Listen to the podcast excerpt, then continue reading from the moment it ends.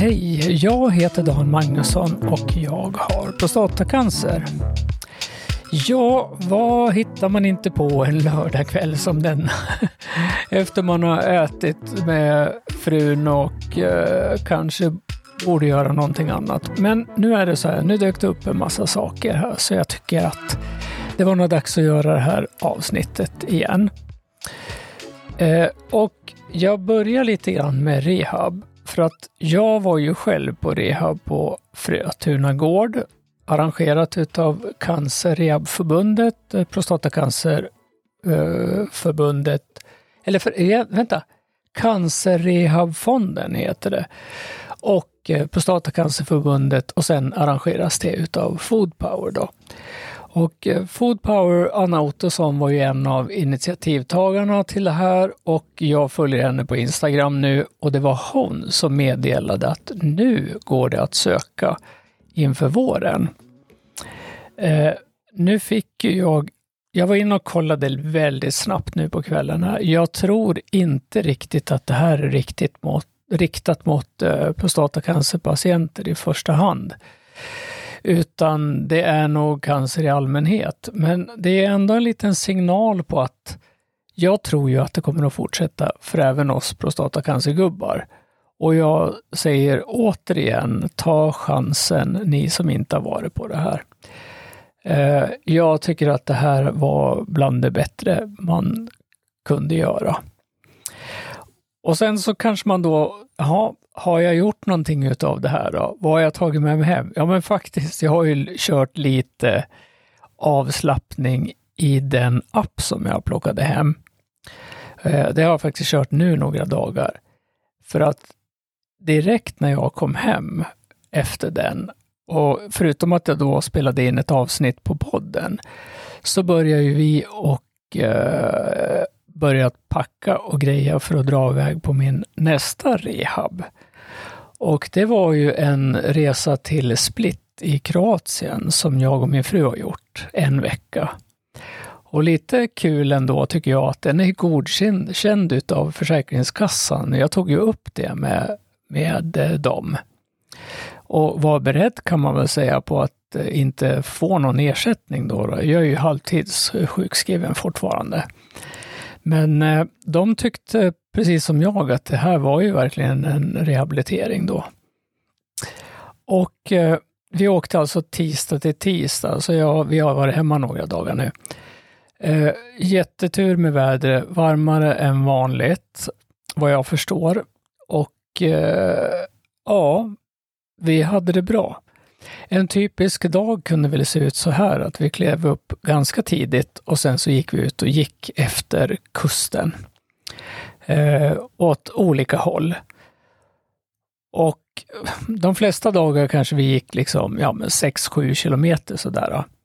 Men ett par av dagarna så, så gick vi också in till själva centrum, förbi det och upp på en kulle en jättefin kulle med en upps, eh, utsiktsplats och Eh, även en så här pinjeskog. Och det var jättefint. Det är bra ordnat. Mycket trappsteg kan jag säga. Eh, och där var vi uppe två gånger. Första gången var vi dit och var kanske uppe på där vid åtta snåret. Men då missar man ju liksom den riktiga soluppgången. Så vi dammade iväg och det var i alla fall en 3,5-4 kilometer dit. Så att vi var faktiskt på plats också redan klockan sju. Och Eh, då var vi före innan solen bröt igenom över, över horisonten där vid berget och det var ju fantastiskt alltså. Men så där såg en dag ut för oss. Vi började med att gå. Eh, vi gick hem, snyggade till oss lite, käkade frukost på och sen så eh, efter det gick vi tillbaka, duschade. Min fru gick ner till poolen före mig. Jag gick ner till poolen, låg i skuggan. Vi var i princip, vi hade ensam pool kan man väl säga. Eh, jag gick och handlade lunch, oftast ja, men typ så här wraps och falafel och sallader och liknande. Och så åt vi dem på våran terrass. Och eh, för vi hade blivit uppgraderade rummet. Vårat rum som vi skulle ha var lite problem med elektriciteten, så vi hamnade istället på ja, men typ fjärde, femte våningen med utsikt över berg och hav. Och det var ju riktigt fint.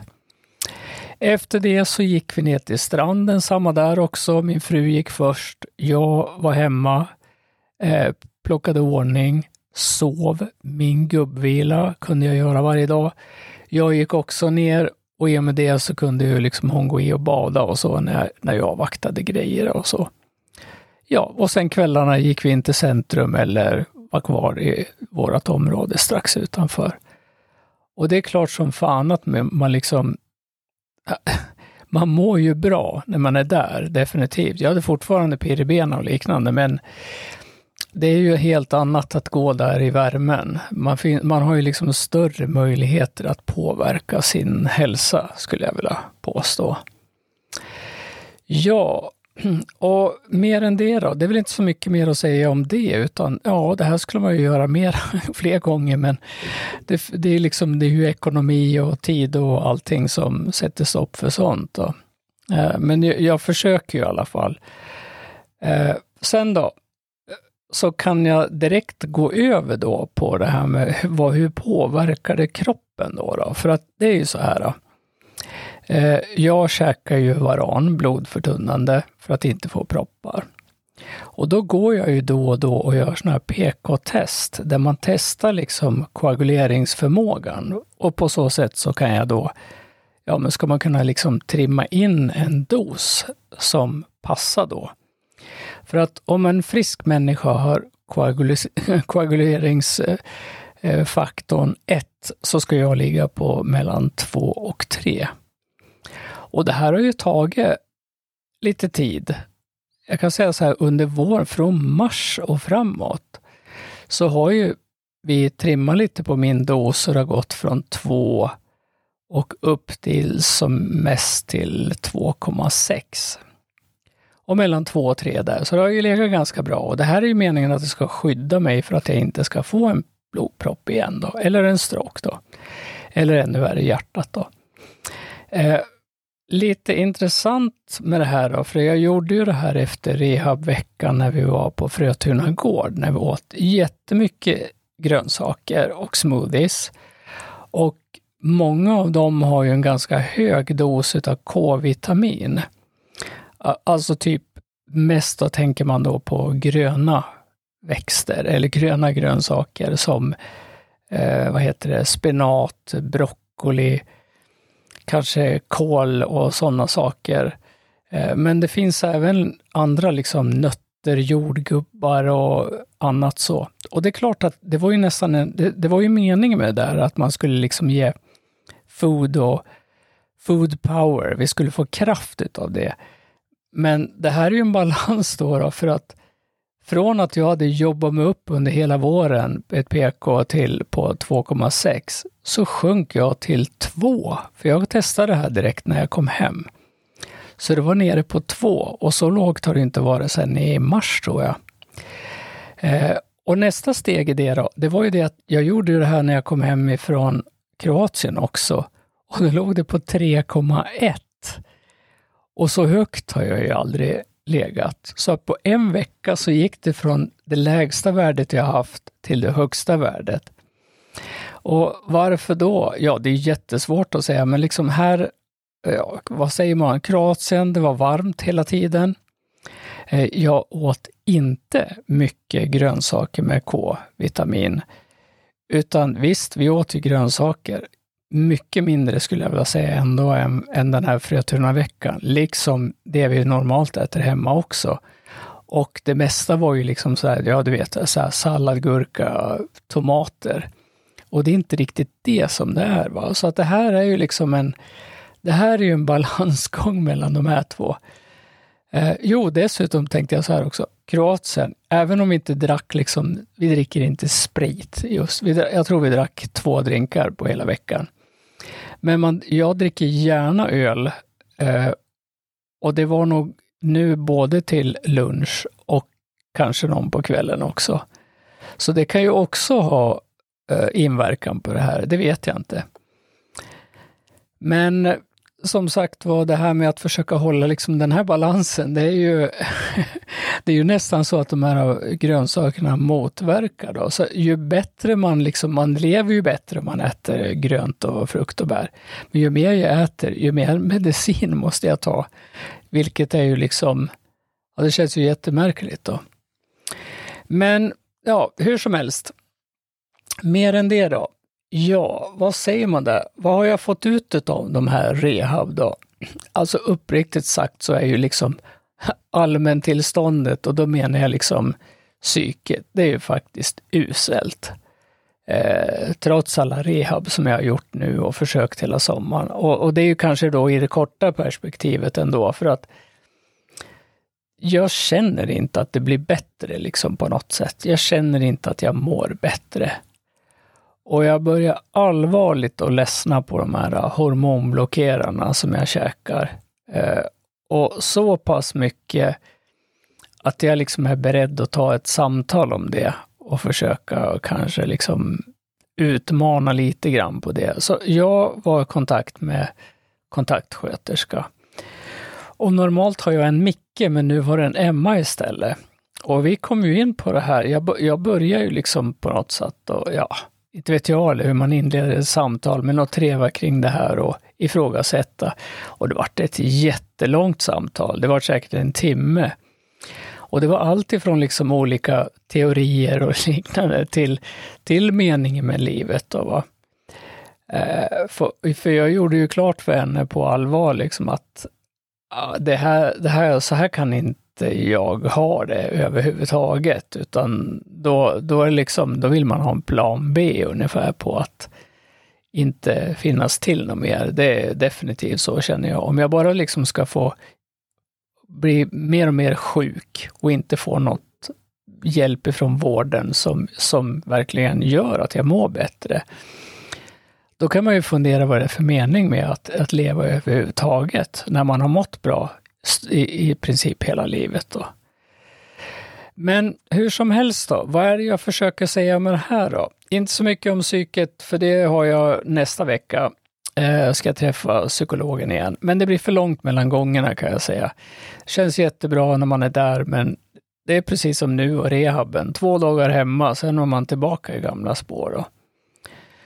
Men när det gäller de här hormonblockerarna, eh, så är det ju så att efter strålning, då är det liksom standard att man eh, fortsätter med de här hormonblockerarna i 24 månader där i Sverige.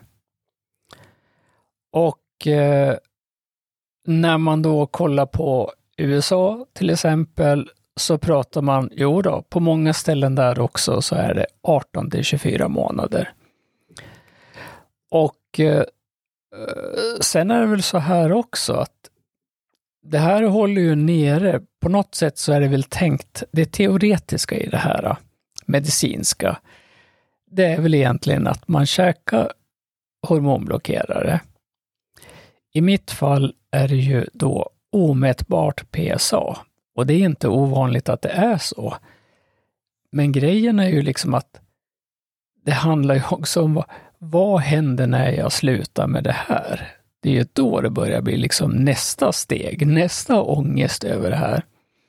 Och varför ska man ha 18 månader eller 24 månader? Det, det är liksom bara någon det är ju någon teoretisk idé om att man testar att så är det, men egentligen så hjälper ju inte det den dagen man slutar om man har en aggressiv cancer. Tanken är väl kanske då att om man käkar det här så ska man trötta ut de eventuella cancerceller man har kvar. Det är väl liksom teorin, eller medicinska teorin bakom det. Men det här är också en grej som man märker, alltså man får nog acceptera på något sätt att har man prostatacancer så har man prostatacancer. Och det kan komma tillbaka. Och kommer det tillbaka, ja men då får man ju vidta de medicinska åtgärderna som finns för att fortsätta och försöka bo bota det. Och jag tror ju att sådana som jag som har Gleason 9 här, vi har ju väldigt, och, och, ja, men, och även liksom hur stor den var, min största tumör och alltihopa. Alltså chansen eller för att bli botad är ju ändå liksom sådär. Och, och risken då med andra ord är ju ganska stor för att det kommer tillbaka. Och då får man ju gå på nästa liksom behandlingsmetoder då. då. Eh, och det kan ju vara så att man får käka hormoner igen i så fall, eller hormonblockerare. Och kanske ta till också mera drastiska då, där man gör mera permanenta. Kanske till och med att man går så långt så att man plockar bort testiklarna eller någonting. Men, men där är jag inte än, så varför ta ut det nu då? Nej, men så är det ju inte heller, utan det är väl så här att i, i USA, de sajter som jag är på och brukar kolla då och då, där är det ju så att de här grejerna, att man käkar hormonblockerare i efterskott, det har man ju till viss mån nu börjat att, eh, att ersätta med PET-scan istället. Det vill säga den här detaljerade skanningen av kroppen när man skickar in en radioaktiv isotop som knallar runt i kroppen och som påvisar mer eller mindre på cellnivå om man har någon spridd cancer. Så att egentligen så vore det bästa, det vore ju om man kunde göra en PET-scan nu istället. För att egentligen så här, om man, nu pratar jag liksom killgissning, teori, men om man har strålat och det har varit bra, då skulle man ju i princip kunna göra en PET-scan och se, finns det ingen spridning, då finns ju ingen anledning att checka hormonblockerare heller. Eh, men så funkar det ju inte, för så gör man ju inte här i Sverige. Att, eh, och dels är det ju liksom, ja, det kostar ju typ, vad var det, 48 000 eller någonting, en sån här PET-scan. Så det, det är liksom ingen taktik man använder sig av, utan här går man ju på Socialstyrelsens vårdprogram och för mig då, då som har gått brachyterapi och sen strålning, så är det 24 månader med hormonblockerare.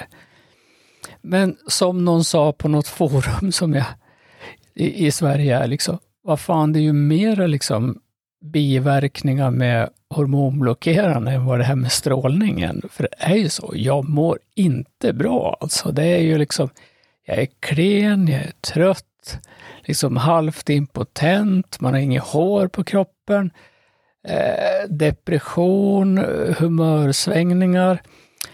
Ja, jag vet inte. Jag har liksom känt som att jag åker, jo, vallningarna självklart då, som jag har liksom 20 om dagen. Alltså det känns som att jag har fått alla biverkningar av den där. Och det blir ju värre och värre. Ju klenare jag blir nu så är det ju så. Jag har varit faktiskt, jag har varit på spinning idag och jag är helt slut efteråt. Och det är ingen tuff spinning, utan det är ett sånt där softpass där man liksom anpassar själv.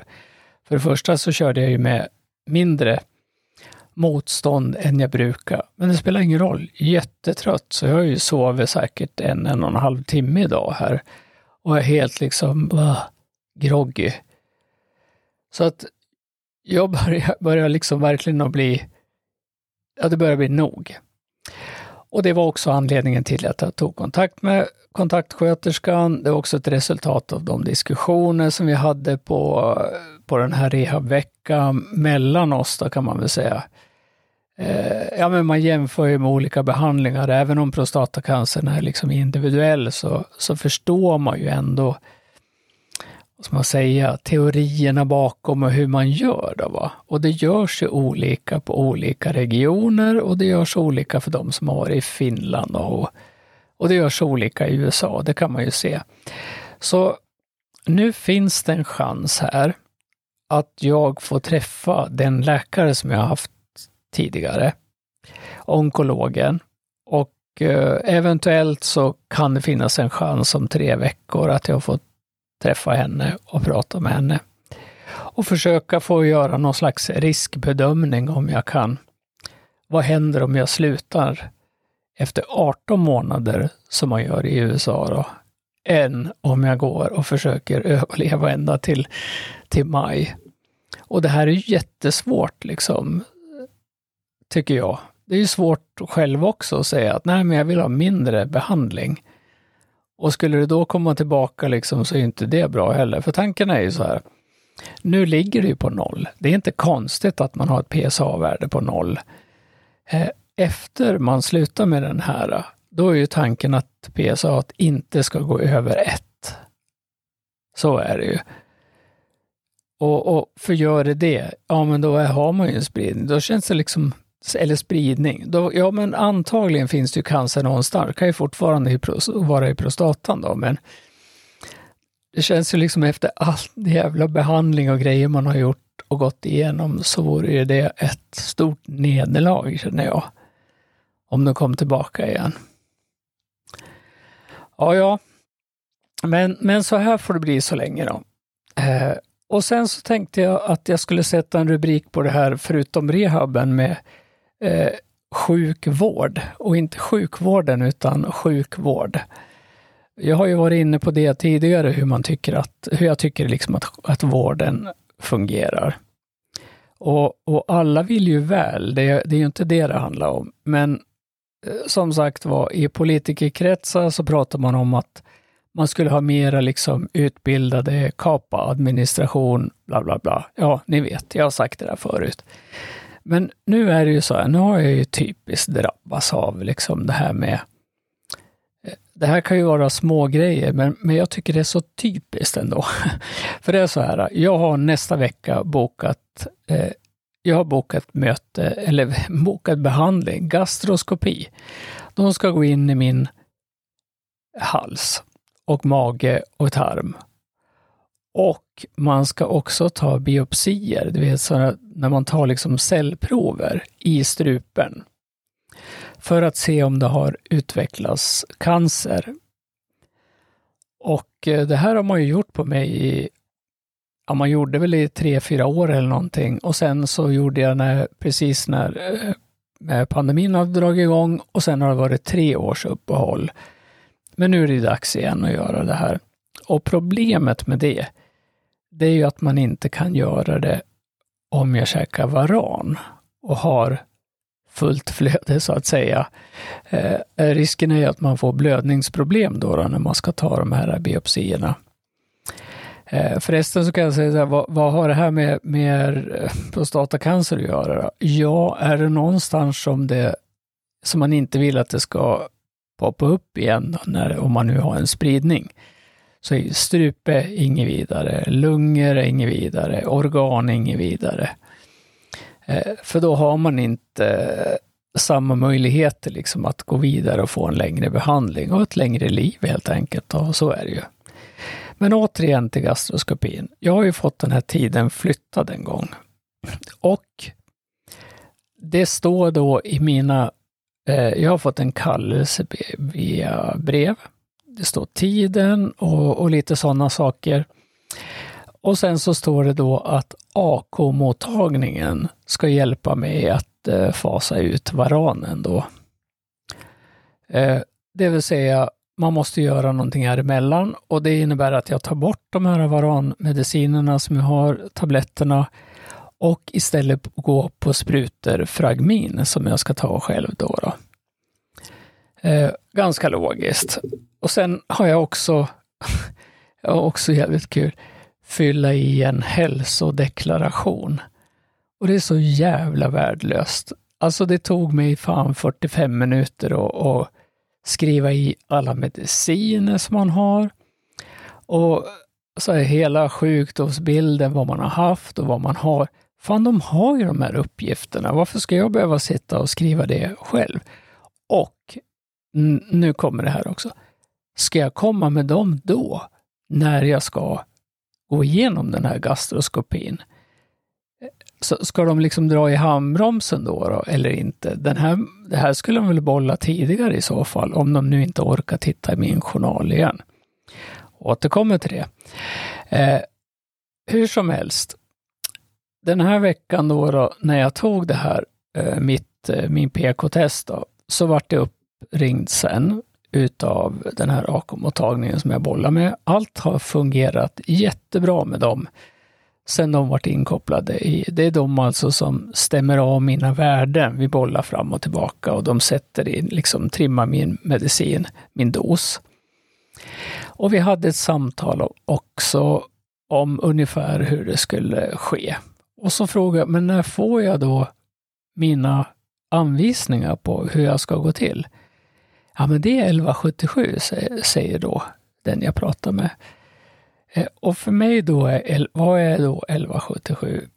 Jag har två egentligen ja, men huvudingångar på det. Den ena är ju 1177 där jag kan se mina egna data, bland annat journalen som är den viktigaste. Men vilka avdelningar jag kan ha kontakt med och det viktigaste av allt, inkorgen.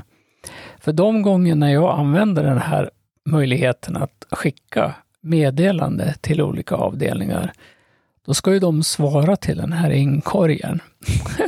det, är tänkt så i alla fall.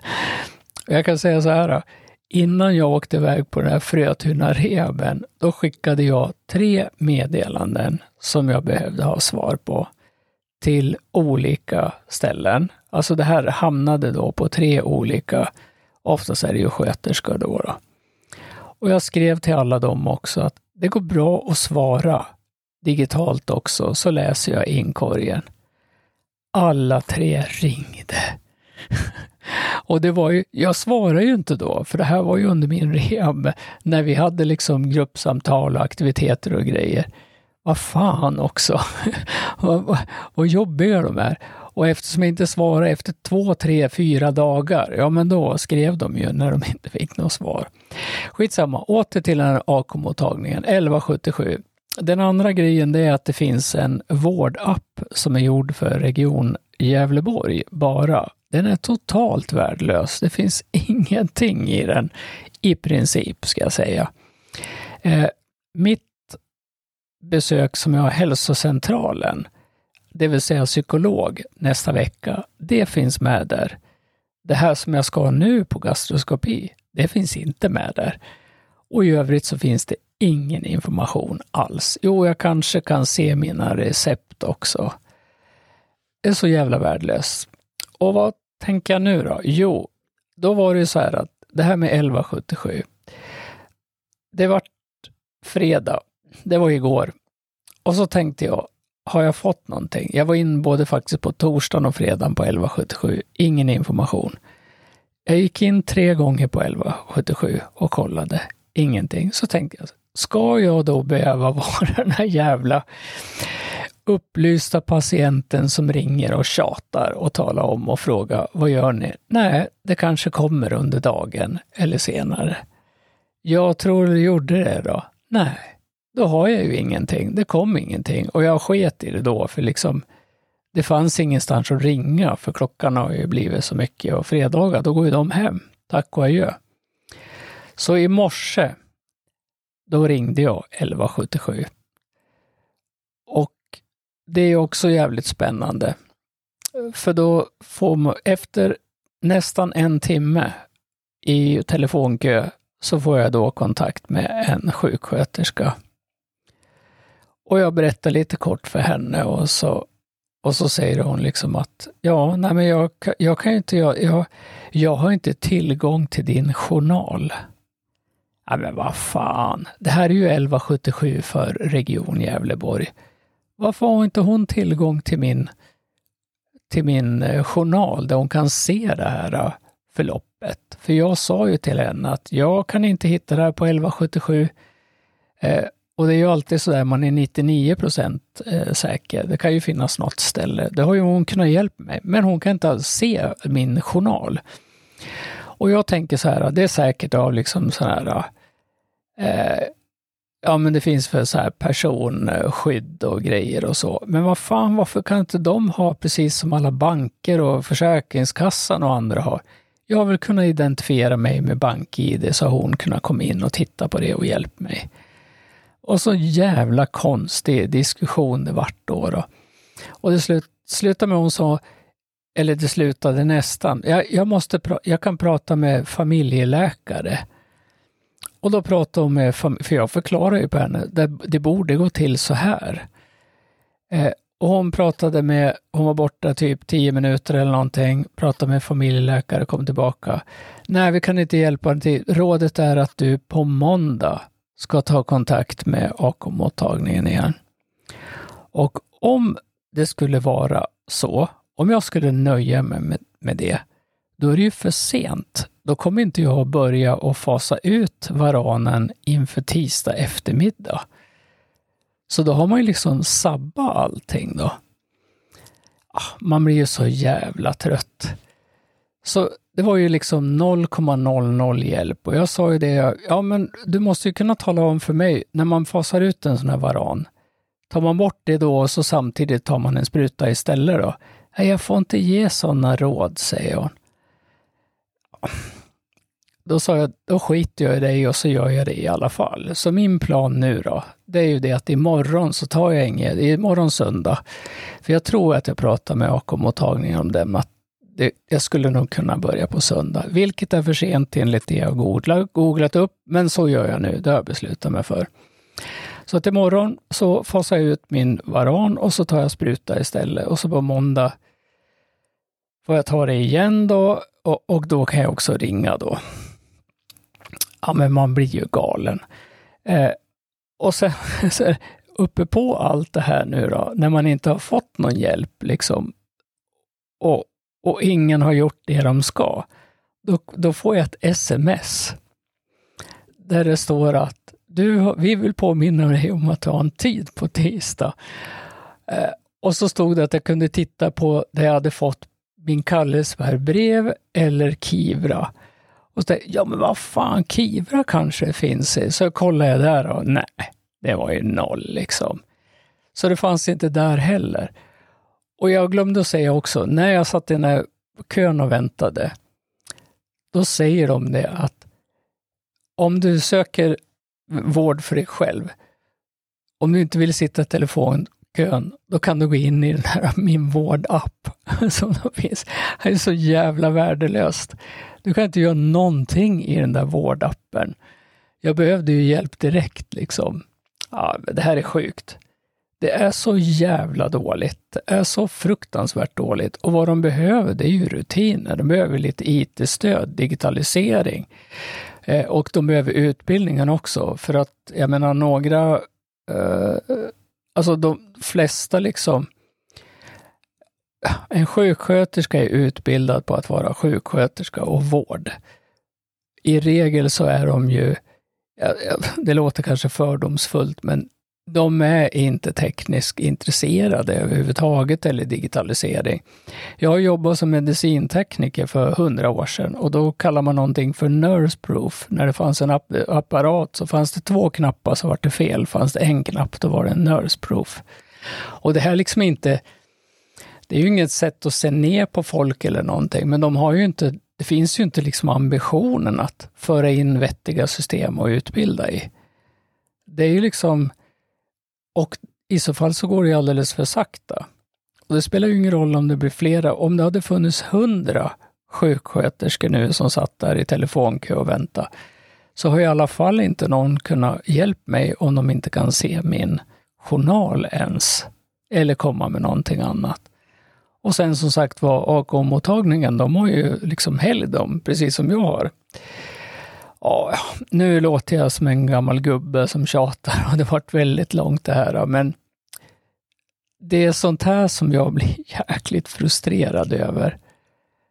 Eh, ja, och eh, återigen nu då, för att jag googlar ju. Jag är ganska bra på det, på att hitta information. Väldigt ofta så hittar jag superbra information på den finska vården. Det är alltså svensktalande, men på den finska vården. Och det stod jättebra om det här med PK-testerna och koaguleringsförmågan här. Eh, med allt det här med ja, men hur är medicinen i förhållande till eh, vad man äter, hur det förhållandet är då. då.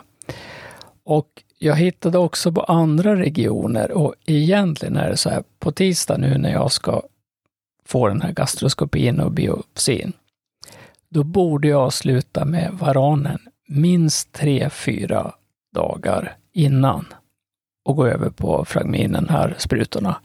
Och den tiden har ju redan gått. Gävle har ju antagligen ett an... De tror att det räcker med två då, men det är ju så här på tisdag på morgonen då så kommer jag få åka upp på Kemlab och göra en PK-test. Om det är, då ligger eh, på 1,5 eller över, då kommer inte de att göra någon gastroskopi på mig. Så det är ju viktigt att få ner det här. Då. Ska jag sitta själv och liksom och jag, då blir jag så förbannad. Varför ska jag liksom behöva läsa en sak och så gör de någonting annat? För övrigt så läste jag en sak till. Och om man äter Omeprazol som jag gör, det är ju för magsyror och grejer, då ska man inte ta det sju dagar innan man går på gastroskopi. Har jag inte fått någon som helst information om. Eh, och jag vet inte om hur jag ska sitta liksom och tolka det som en lekman heller, men jag har inte ätit något sånt nu så att det kommer att bli fyra dagar i alla fall, så får vi se vad de säger om det. Och så om jag nu om jag nu ska behöva kolla sådana här saker eller engagera mig själv i det här och så har jag inte ens någon att prata med för att de är liksom lediga eller så sitter det en sjuksköterska som inte kan titta i min journal och diskutera mina case. Liksom. Ja, det är så jäkla dåligt.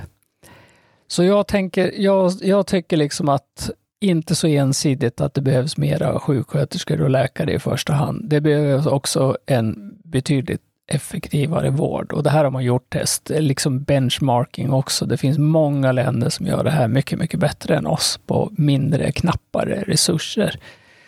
Eh, och jag tänker väl att vi lägger för mycket kontrollsystem och liknande på våra, på våra läkare och sköterskor så att eh, ja, men de har liksom inte de verktyg som de behöver helt enkelt. Jaha, ja men det vart ju jävligt långt det här. Det var inte meningen. Jag ber om eh, ursäkt. Jag ska börja knäppa på här utgångsmusiken. Eh, ja, varför gjorde jag det här nu då, lördag kväll? Ja, vem fan vet. Jag kanske gör den där biopsierna och jag kommer att förblöda där uppe. Jag kanske inte lever, det här kanske är sista avsnittet. Det är typ så man känner. Eh, ja, ja, men jag kommer säkert tillbaka. Ni får ha en himla fin, fin helg. Ha det bra. Hej!